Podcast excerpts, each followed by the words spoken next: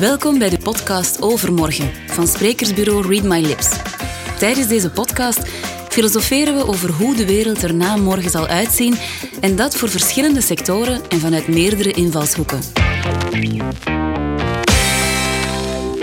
Welkom, ik ben eh, Lin Wezenbeek. Sommigen beweren radicaal dat corona een zuiverend effect heeft op het ondernemerschap. Bedrijven in moeilijkheden zullen sneller verdwijnen, gezonde bedrijven zullen bovendrijven. Toch zijn velen er ook van overtuigd dat deze crisis net het moment is om disruptief te werk te gaan. Never waste a good crisis, zoals dat dan heet. Maar wat betekent deze crisis op de lange termijn? Hoe zal de toekomst van het ondernemen er pakweg in 2050 uitzien?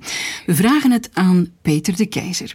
Peter is een bekend opiniemaker in kranten en weekbladen en op sociale media en stamt daarbij geregeld wel eens tegen heilige huisjes. Als voormalige hoofdeconoom van Peter en BNP Paribas Fortis richtte hij vijf jaar geleden het strategische communicatiebureau Growth Inc. op. Dat bureau staat haar klanten bij om duurzame invloed te hebben. Hoe breng je een onderneming bij de juiste personen, instanties en bedrijven en uiteindelijk bij de hele wereld? Welkom, Peter de Keizer. We hebben het in deze podcast over hoe ondernemen overmorgen.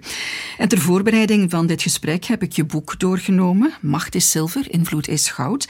En daarin begin je met een verhaal over het verdwijnen van de laatste wolf in Yellowstone. Of over hoe je met ja, het veranderen van één dominosteen een hele keten in beweging zet. En in dat opzicht is het wel vergelijkbaar met de crisis waarin we vandaag zitten, met COVID-19. Door één virus zijn we in geen tijd getransformeerd naar een anderhalve meter samenleving. Zie jij gelijkenis? Ja, absoluut. Als je, als je kijkt naar, eh, naar dat ene virus dat op alle mogelijke aspecten van ons leven ingrijpt, eh, zowel economisch, eh, sociaal, eh, medisch. Als je kijkt financieel is er, een, is er een heel grote impact. Dus het is vandaag veel te vroeg om te zeggen wat exact de, de impact zal zijn binnen een jaar, twee jaar, drie jaar enzovoort. Maar wat je wel ziet, is dat heel veel discussies vandaag opengetrokken worden. Dat heel veel mensen zien dat dit het moment is om het te hebben over onze werkgewoontes. Of dat dit het moment is om het eens te hebben over klimaat, over milieu, onze gezondheid gezondheidszorg, uh, work-life balance, enzovoort, enzovoort. En dat is ook het unieke aan dit soort van, uh, dit soort van crisis, dit soort van crisismomenten, is dat iedereen eigenlijk daar een unieke opportuniteit in ziet om een aantal zaken te beginnen aankaarten. Tijdens een crisis worden dingen plots mogelijk, worden dingen plots bespreekbaar. Normaal heerst altijd de, tirannie van het status quo. Mhm. We hebben dat hier altijd al zo gedaan en laat ons dat zomaar houden. Maar plots is er een crisis en dan wordt plots het, uh, het politiek ondenkbare wordt plots het politiek onvermijdelijke. En heel veel mensen en bedrijven beseffen ook dat dit een momentum is om zaken te gaan veranderen. En daarom zie je ook heel veel van dat soort van gedachte-experimenten enzovoort. Zie je mensen die iets willen, uh, willen gaan veranderen. En daarom is dit een unieke tijd. En, en ga je ook zien, we binnen vijf of binnen tien jaar kunnen zeggen van kijk, dat is een rechtstreeks gevolg van die... Uh, van die crisis geweest. Dat er heel veel aspecten gaan veranderen, dat is, uh, dat is duidelijk. Ja, we worden natuurlijk als het ware opnieuw eigenlijk uitgedaagd om alles uh, te, te, ja, te overdenken, te heruitvinden. Um, al blijft het een beetje balanceren op een slappe koord hè, tussen wat werkte in het verleden en wat nodig is om in de nieuwe wereld te groeien, zeg maar. Um, ja, krijgen we overmorgen een, een nieuw normaal? Dat is zeker het geval. Een aantal aspecten zullen volgens mij nooit weggaan. Ik denk, uh, mondmaskers lijken mij het allerlaatste wat zal verdwijnen. Dus uh, dat zal nog een heel, heel lange tijd meegaan. Waar we vroeger toch eens mee waar keken naar Aziaten die hier uh, op bezoek kwamen als toeristen en altijd met mondmaskers rondliepen. Wel, we gaan zelf ook zo blijven rondlopen nog een, nog een hele lange tijd.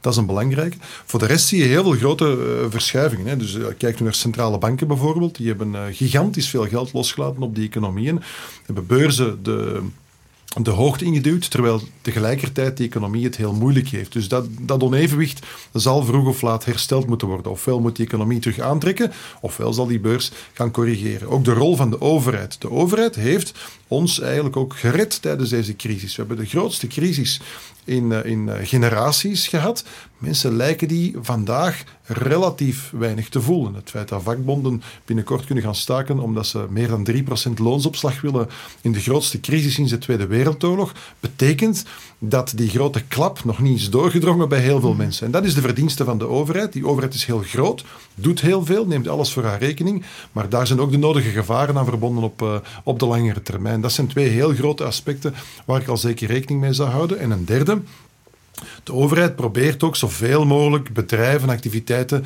te redden tijdens deze crisis. Iedereen komt om hulp vragen, iedereen wil gered worden, maar iedereen redden is de beste manier om de economie op langere termijn te verzwakken. Bedrijven horen te verdwijnen en er komen er nieuwe in de plaats.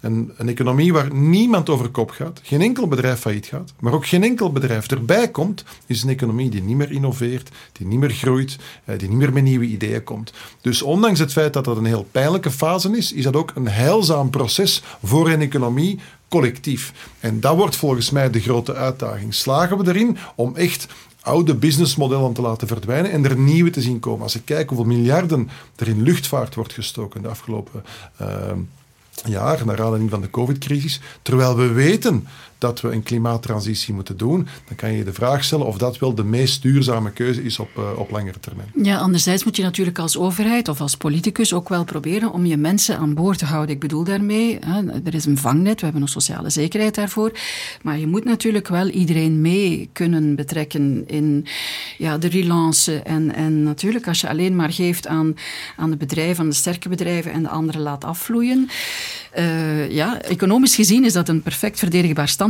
maar jij hebt natuurlijk ook het menselijke aspect. Volledig akkoord. En daarom denk ik van, je moet niet elke job kost wat kost willen beschermen, maar wel de mensen achter die job. En dat zijn twee andere zaken. Stel dat er nu vandaag 100 mensen in de horeca werken, we weten allicht dat er in de toekomst maar plaats zal zijn voor een negentigtal mensen. We kunnen kost wat kost proberen om die 100 jobs op 100 jobs te houden. Of we kunnen zeggen van we weten dat er 10 jobs gaan verdwijnen, maar die 10 mensen die hun job verliezen, die gaan we wel omscholen, opleiden richting andere sectoren. En dat is een groot verschil. Maar dat gebeurt nu toch ook al? Dat gebeurt voor een stuk, maar nog niet helemaal. Er zijn mensen die al quasi een jaar tijdelijk werkloos zijn. Die moeten snel uh, vastgepakt worden, moeten snel opleidingen krijgen, die moeten snel richting andere sectoren. Dat is een heel belangrijk. Wij zijn in het verleden heel vaak hebben wij blijven vasthouden aan businessmodellen die niet meer houdbaar waren. Steenkool, staal, automobiel, scheepsbouw zijn wij als een van de laatste blijven subsidiëren en overeind houden, omdat dat toch zo zichtbaar was. En daardoor hebben we die transitie naar nieuwe en meer beloftevolle sectoren altijd gemist met die klimaatcrisis is het eigenlijk net hetzelfde nu. We moeten ervoor zorgen dat we vooral het over het positieve verhaal hebben en mensen willen meenemen richting de nieuwe toekomst. Alles in stand houden wat vandaag bestaat is onmogelijk. Mensen gaan moeten veranderen, maar ze moeten weten dat ze er niet alleen voor staan. Dat is het allerbelangrijkste. Mhm. En meer inzetten nog op die digitalisering dan? Digitalisering, absoluut. Als je kijkt, daar moet je absoluut op, neer, eh, op, op, op inzetten. Kijk nu bijvoorbeeld naar de digitalisering van de, van de KMO's het afgelopen jaar. Afgelopen week stond nog in de krant. Het aantal webshops is in België in 2020 verdubbeld. Verdubbeld op één jaar tijd. En dan zie je dus dat we jarenlang hebben geprobeerd via premies, subsidies en checks en digitaliseringstrajecten om bedrijven daartoe aan te zetten. En plots slaat een pandemie toe en beseffen alle bedrijven, ik heb een webshop nodig. Dus noodzaak, is nog altijd de belangrijkste drijfveer van innovatie en ondernemerschap. Zeg soms, necessity is the mother of invention. Dat is hier ook gebleken.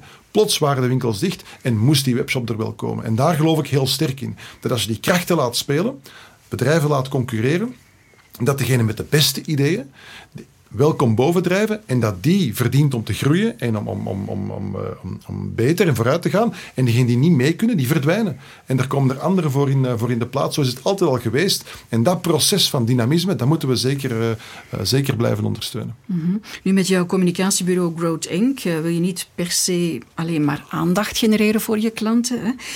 Um, maar wel dat ze invloed hebben. Is dat een trend voor de komende jaren? Dus nog meer invloed genereren? Als ondernemer dan bedoel ik? Hè? Ja, als ondernemer. Ik denk dat het heel belangrijk is. geen, enkele ondernemer, geen enkel ondernemer begint zijn bedrijf om rijk te worden. De meeste ondernemers beginnen een bedrijf omdat ze iets willen veranderen. Ze hebben een technologische oplossing. Ze zien de zaken anders dan hoe andere mensen die aanpakken en ze willen iets veranderen. De meeste ondernemers willen de wereld veranderen. Kijk naar Elon Musk.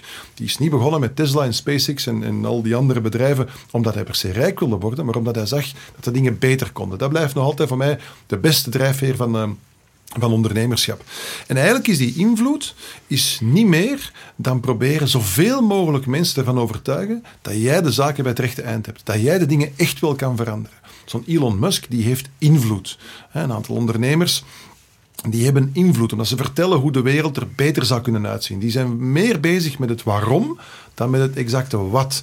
En zo krijg je invloed door te praten met je werknemers, met toekomstige werknemers, met overheden, uh, met conculega's enzovoort enzovoort. Dat je zoveel mogelijk mensen van jouw visie overtuigt, van jouw uh, waarom overtuigt. En dat is de manier om de wereld te veranderen. Maar dan hangt het vooral ook af van de kracht van je verhaal, van je storytelling, van je overtuigingskracht, toch? Absoluut. Hè. storytelling klinkt vaak, uh, klinkt vaak wat oneerbiedig. Van kijk, we gaan een verhaaltje vertellen en zo krijgen we mensen mee. Maar je moet oprecht anderen overtuigen van jouw visie. En als ze daarin mee zijn, dan gaan ze jou ook helpen om die visie te realiseren dus uh, dat, is, dat is een heel, heel belangrijk. Dus verhalen werken nog altijd heel goed. Wij, wij, wij zaten vroeger rond het kampvuur en, en wat daar verteld werd, dat bleef plakken.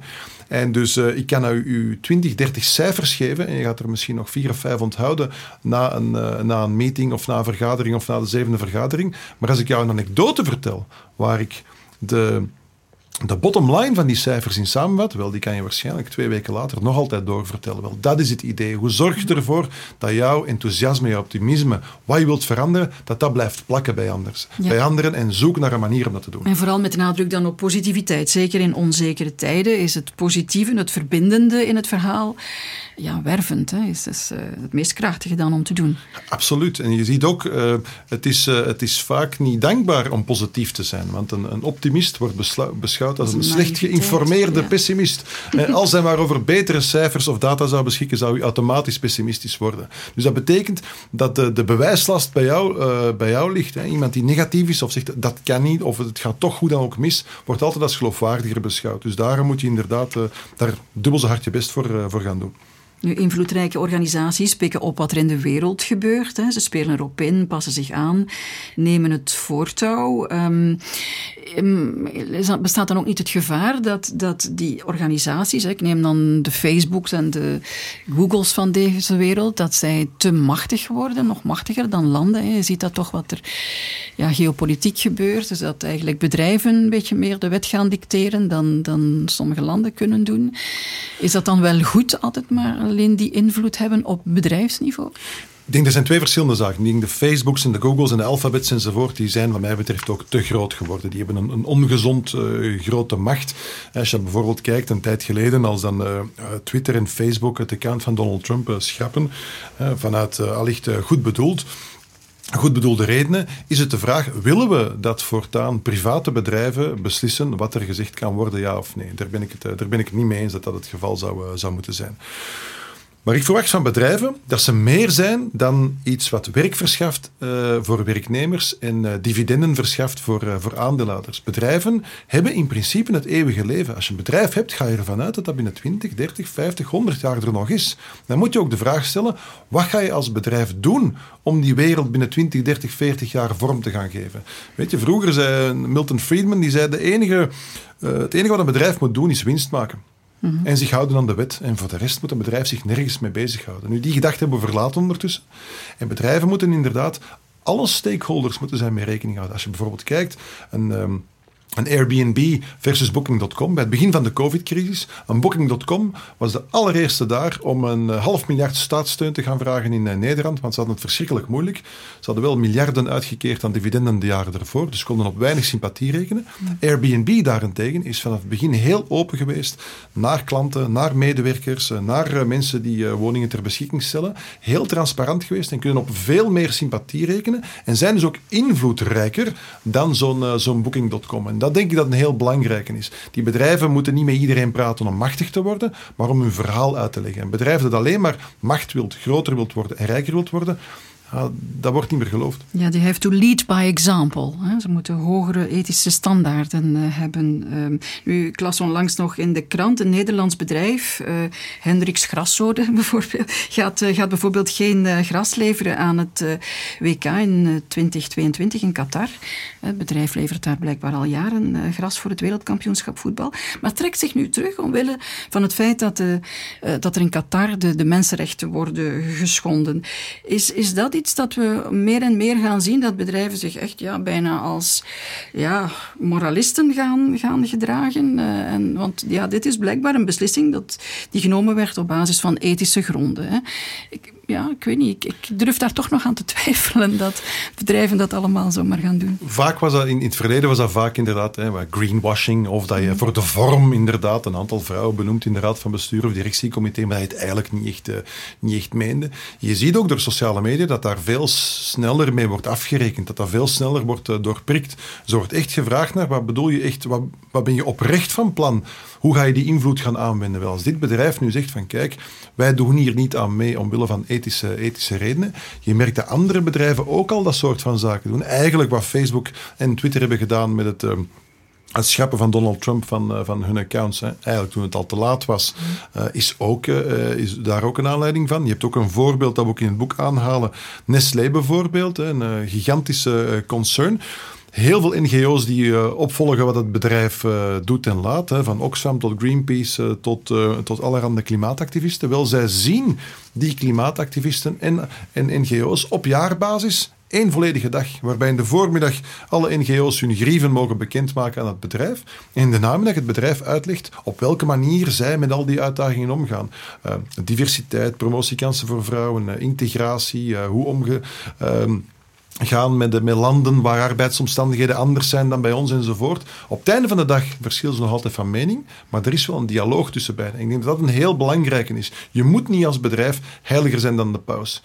Maar ik denk wel dat bedrijven op zoek gaan en, je, en, en, en naar hoe kan ik toch een bepaald, ja, een ethische standaard toch, eh, toch hanteren. En je merkt vooral bij jongeren, wanneer zij voor een bedrijf gaan werken, dat dat belangrijk is. Zij willen niet voor een kleurloos en geurloos bedrijf werken. Ze verwachten niet dat de CEO een mening heeft over alles, maar wel een aantal thema's waar je, uh, waar je verder in wil gaan. En dat mm toch, toch belangrijk is. Ja komt er dus op aan ook een beetje om te zien wat er in de wereld gebeurt en, en te snappen wat er leeft in de hoofden van de mensen. Nu, ondernemen is ook rekening houden met de media, hè? wel eens de vierde macht uh, genoemd. Hoe zie jij dat evolueren? En sinds Trump bijvoorbeeld is er meer dan ooit sprake van fake news. Nu, fake news heeft altijd al bestaan. Het is vooral de schaal waarop het nu uh, wordt verspreid. Dat is eigenlijk wel zorgwekkend.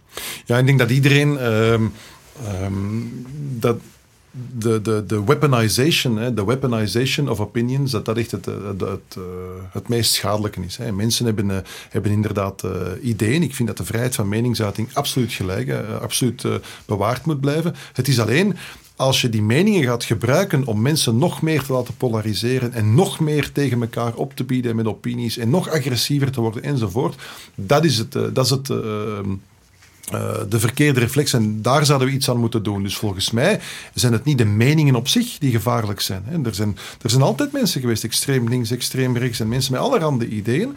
Maar het feit dat je die ideeën zelf door de algoritmes nu kunt afvuren op mensen, ze nog extremer maken, ze nog meer laten polariseren, dat is wat mij betreft het, uh, het grote gevaar. Dus ik zou pleiten voor nog meer vrijheid van meningsuiting. En daarom vind ik het ook gevaarlijk dat er wordt gesproken van, kijk, ja, um, uh, hate speech. Wat is hate speech? En je zeggen van, kijk, ik, eh, ik vind jouw gezicht lelijk of ik kan jou niet uitstaan. Mag je dat nog zeggen, ja of nee? Als je dat soort van zaken begint af te blokken, dan gaan die meningen toch underground gaan. Die gaan toch blijven geuit worden. Ik heb liever dat mensen hartsgrondig met elkaar van mening kunnen, uh, kunnen verschillen.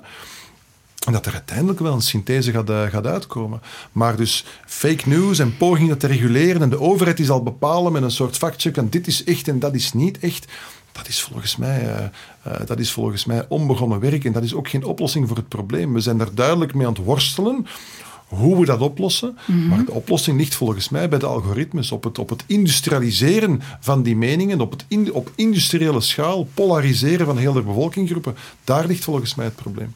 Maar is het nu net niet door die algoritmes dat mensen alleen maar dat soort nieuws dan of dat soort berichtgeving te zien krijgen en eigenlijk van de rest verstoken blijven. Dat, dat is toch het probleem. dat ze, alleen dat ze maar één venster meer op de wereld krijgen in plaats van tien. Ja, absoluut. En het algoritme, het algoritme wil inderdaad mensen zo lang mogelijk op het platform houden. En als je gewoon op YouTube een filmpje opzet en je kijkt gewoon naar autoplay, wat er daarna komt en daarna en daarna, het duurt geen kwartier voordat je echt op, op echt extreem gewelddadige of, of racistische uh, uh, video's, uh, video's terechtkomt. En dat is, uh, dat is volgens mij het probleem. Dus ik denk dat we op andere manieren, um, laten we zeggen, die vrije meningsuiting moeten zien, moeten zien te kanaliseren. Want het zou verschrikkelijk zijn dat we omwille van de algoritmes onze vrije meningsuiting zouden moeten, zouden moeten opgeven.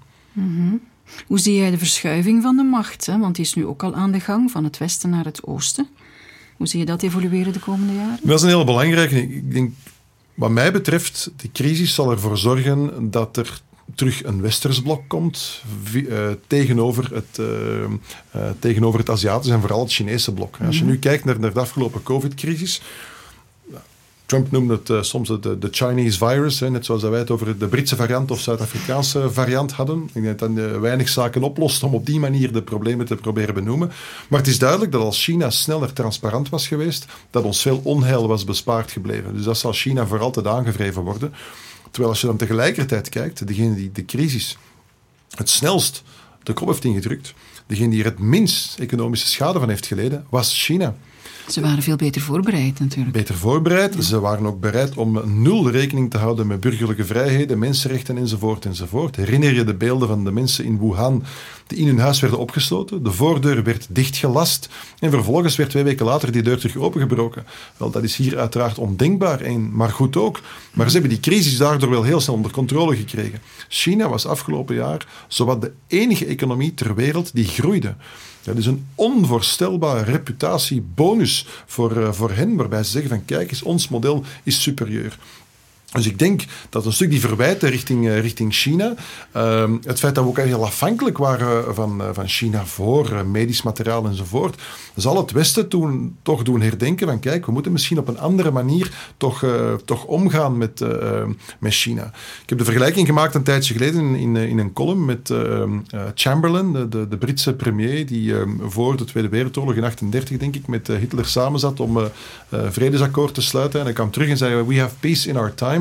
Nou, een jaar later is, is de Tweede Wereldoorlog begonnen met de invasie van Polen. Ik denk dat we op dezelfde manier ook naar onze relatie met China gaan, uh, gaan kijken binnen afzienbare tijd. Wij hebben door onze handel met China, door daar producten te kopen, hebben wij ze steenrijk gemaakt de afgelopen 25 mhm. jaar. Hebben we nooit vragen gesteld mhm. over mensenrechten, over burgerlijke vrijheden enzovoort. Terwijl het kapitool werd bestormd in de Verenigde Staten, kreeg de democratie in Hongkong een, eh, een nekschot. Maar de voorpagina's van de kranten gingen wel over het kapitool en er werd niks over Hongkong gezegd. En ik denk dat dat gaat veranderen. Dus dat dat, dat definitief gaat, uh, gaat veranderen, dat het Westen zich veel, veel assertiever, misschien ook agressiever zal opstellen richting China, dat we richting een koude oorlog zullen, uh, zullen gaan. En dat we ook als Westen inderdaad beseffen, we moeten in defensie meer investeren, strategische sectoren, cyberveiligheid enzovoort. Mm. Dat zal volgens mij een heel belangrijk gevolg zijn. Mm. Ja, uh, het... Uh het klinkt niet echt hoopgevend, moet ik zeggen. Maar wat, wat was jouw persoonlijke les nu uit, uh, uit COVID?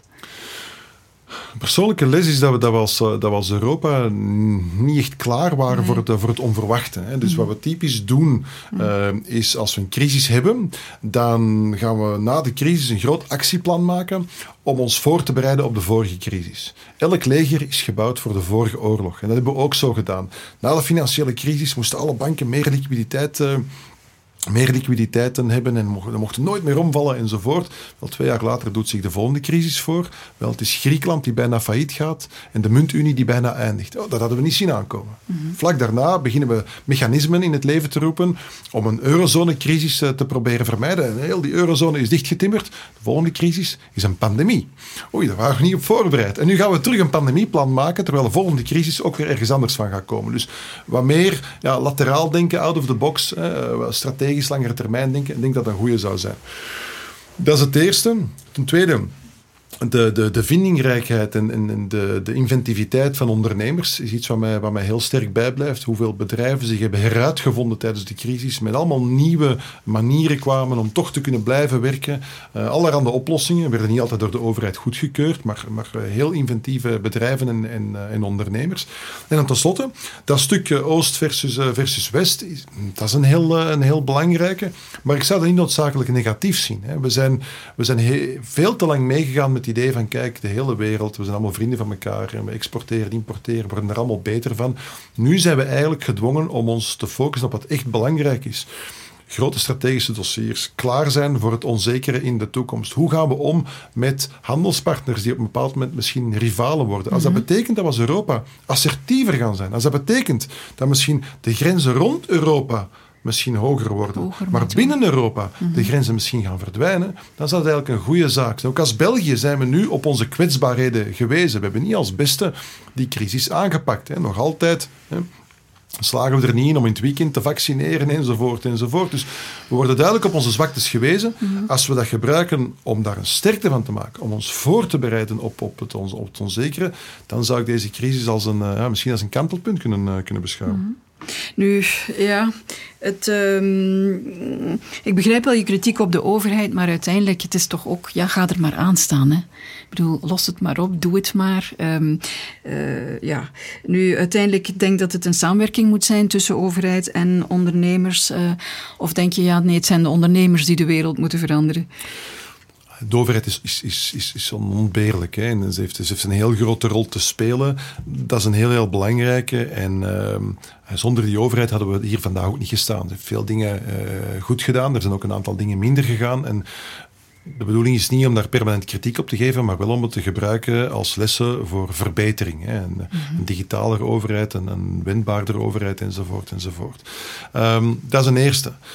Overheden gaan we nodig hebben en politiek gaan we ook nodig hebben. Maar ik denk wel dat de echte agent of change, degene die echt zaken gaan veranderen, dat zijn volgens mij burgers, bedrijven en bewegingen. Dat zijn degenen die echt mensen kunnen inspireren, kunnen motiveren, meekrijgen, het verhaal uitleggen. Je merkt dat politiek op zijn grenzen botst om mensen mee te krijgen. Neem nu een heel eenvoudig voorbeeld, het klimaatprobleem. Mhm. Er zijn honderden duizenden politici wereldwijd daar al jaren mee bezig en dat lijkt maar niet vooruit te gaan.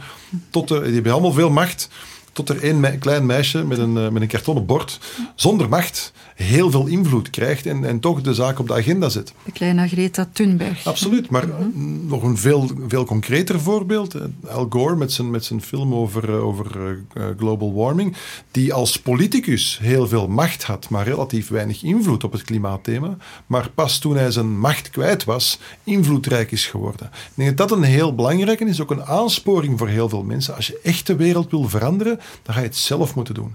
En als je zelf mensen enthousiast kan maken over wat jij wil veranderen, dan gaat het ook veranderen. Ik denk dat dat de belangrijkste, de belangrijkste boodschap is. En dat is ook in combinatie met COVID, vandaag het, het belangrijke verhaal mij betreft, Heel veel zaken zijn vandaag bespreekbaar.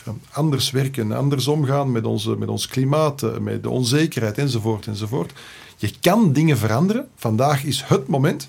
En als burger als beweging, als bedrijf, hoe klein ook, als je voldoende mensen van jouw verhaal kan overtuigen, wel dan ga jij die dingen veranderen.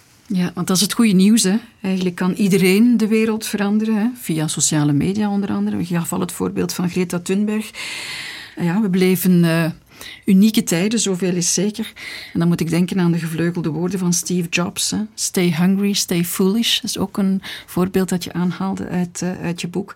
Dus um, ja, worden we wakker morgen of overmorgen in een betere wereld dan vandaag? Ik denk het wel. Ik denk als voldoende mensen de wereld willen veranderen, en ik zie hier heel veel rond mij, dan uh, zal de wereld alleen maar, uh, alleen maar beter worden. Goed, dan uh, is het een positieve noot om te eindigen. Ik dank je wel voor dit gesprek. Graag gedaan. Ben je nieuwsgierig naar meer? Bekijk dan zeker eens de website van Read My Lips via readmylips.be. Daar vind je zowel informatie terug over mezelf, uw moderator van vandaag, als info over Peter de Keizer. Heel erg bedankt en tot later. Beluister alle podcasts van Overmorgen op Soundcloud of Spotify. Met veel plezier aangeboden door sprekersbureau Read My Lips.